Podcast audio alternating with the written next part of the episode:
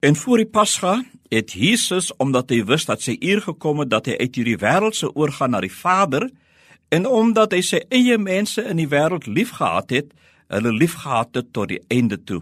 Ek herhaal dit vanoggend dat slegs hierdie een teks so gelaai is met die dinamika van die lewendgewende krag van God deur die kragtige meewerking van die Heilige Gees dat ons dit in hierdie reeks nooit sal kan ontgin of tot sy volle potensiaal kan laat kom nie.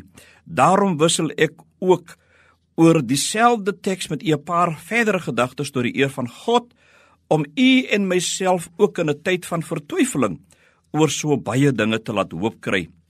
Ons is pelgrims, reisigers wat in die hoop lewe van die kruisiging.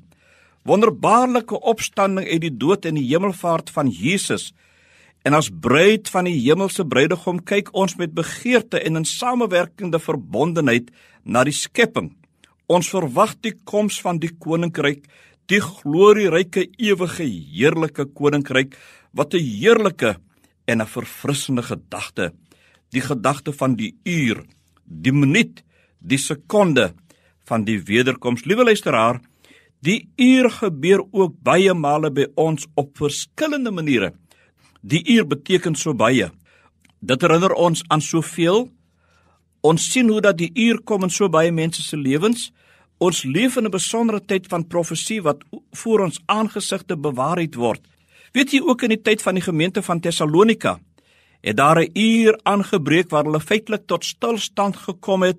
Die Here se koms is baie naby, het hulle vertel, en Paulus moes hulle aanmoedig om voort te gaan met 'n normale daaglikse bestaan om omdat niemand die tyd en die uur ken nie, net God weet wat die uur van Jesus se wederkoms is. So kan u en my lewe ook nie tot 'n stilstand kom nie. Ons moet voortleef en beplan vir ons toekoms omdat wat vir ons oënskoulik is, nie noodwendig in God se raamwerk vir die wêreldgeskiedenis hoef nie oënskoulik te wees nie. Daarom is dit vir ons beperkte menslike verstandjies onmoontlik om God te probeer vasvang in ons gedagtes en om God te probeer manipuleer om dinge laat te gebeur soos ons dit mag profeteer of glo. So is dit ook gans onmoontlik dat ons die liefde van God kan begrens.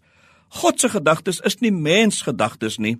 Juist daarom is dit so noodsaaklik dat ek en u 'n gees van onderskeiding het en ek verwys spesifiek nie na 'n algemene onderskeiding nie, maar spesifiek na 'n geestelike, 'n Heilige Gees onderskeiding. Hierdie onderskeiding is 'n goddelike gawe wat ons met ons wedergeboorte ondervang. U sien, ons moet eers van onsself verhewendheid en trots gestroop word. Die uur van my en u doodsheid is verby. Die uur van ons verheerliking staan voor ons deur. Laat ons oopmaak en die wedergeboorte ondervind. God het ons lief. Hy gee vanoggend vir ons weer 'n kans. Amen.